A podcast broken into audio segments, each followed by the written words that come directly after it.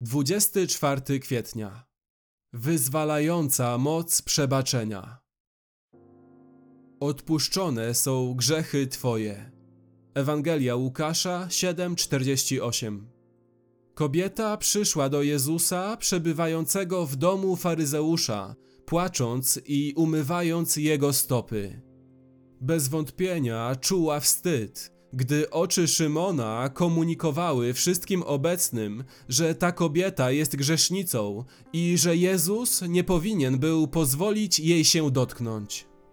Rzeczywiście była grzesznicą. Było miejsce na prawdziwy wstyd, lecz nie na długo. Jezus powiedział: Odpuszczone są grzechy Twoje. Łukasza 7:48 a gdy goście zaczęli z tego powodu szemrać, utwierdził jej wiarę, mówiąc: Wiara twoja zbawiła cię, idź w pokoju. Łukasza 7:50. W jaki sposób Jezus pomógł jej walczyć z paraliżującymi skutkami wstydu? Dał jej obietnicę: Twoje grzechy zostały ci przebaczone. Twoja wiara zbawiła cię. Twoją przyszłością jest pokój. Oświadczył, że przeszłe przebaczenie zrodzi przyszły pokój.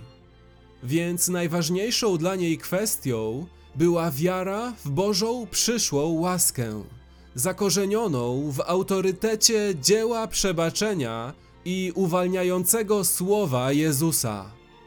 W ten sposób każdy z nas musi walczyć ze skutkami dobrze pojętego wstydu. Nie fałszywego wstydu, lecz wstydu, który naprawdę powinniśmy czuć. Wstydu, który nie zostanie w nas zbyt długo i nas nie sparaliżuje. Musimy walczyć z niewiarą paraliżującego wstydu, chwytając się obietnic przyszłej łaski i pokoju, które przychodzą dzięki przebaczeniu naszych zawstydzających czynów. U Ciebie jest odpuszczenie, aby się Ciebie bano. Psalm 130, werset 4.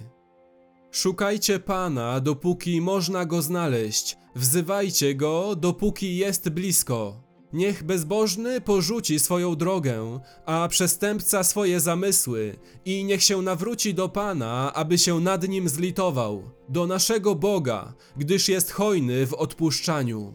Izajasza 55, 6 i 7. Jeśli wyznajemy grzechy swoje, wierny jest Bóg i sprawiedliwy, i odpuści nam grzechy i oczyści nas od wszelkiej nieprawości. 1 Jana 1:9 o nim to świadczą wszyscy prorocy, iż każdy, kto w niego wierzy, dostąpi odpuszczenia grzechów przez imię Jego. Dzieje apostolskie 10:43. Każdy z nas potrzebuje dziś przebaczenia i będziemy go potrzebowali jutro. Jezus umarł, aby zapewnić je nam dzisiaj i jutro. Rzeczywistość wygląda tak, zarówno dzisiaj, jak i jutro. Boże przebaczenie uwalnia nas dla naszej przyszłości. Uwalnia nas od paraliżującego wstydu. Przebaczenie jest pełne przyszłej łaski. Kiedy żyjemy wiarą w przyszłą łaskę, zakorzenioną w Bożym przebaczeniu, jesteśmy uwolnieni od utrzymujących się paraliżujących skutków nawet tego wstydu, na który zasługujemy. To właśnie oznacza przebaczenie.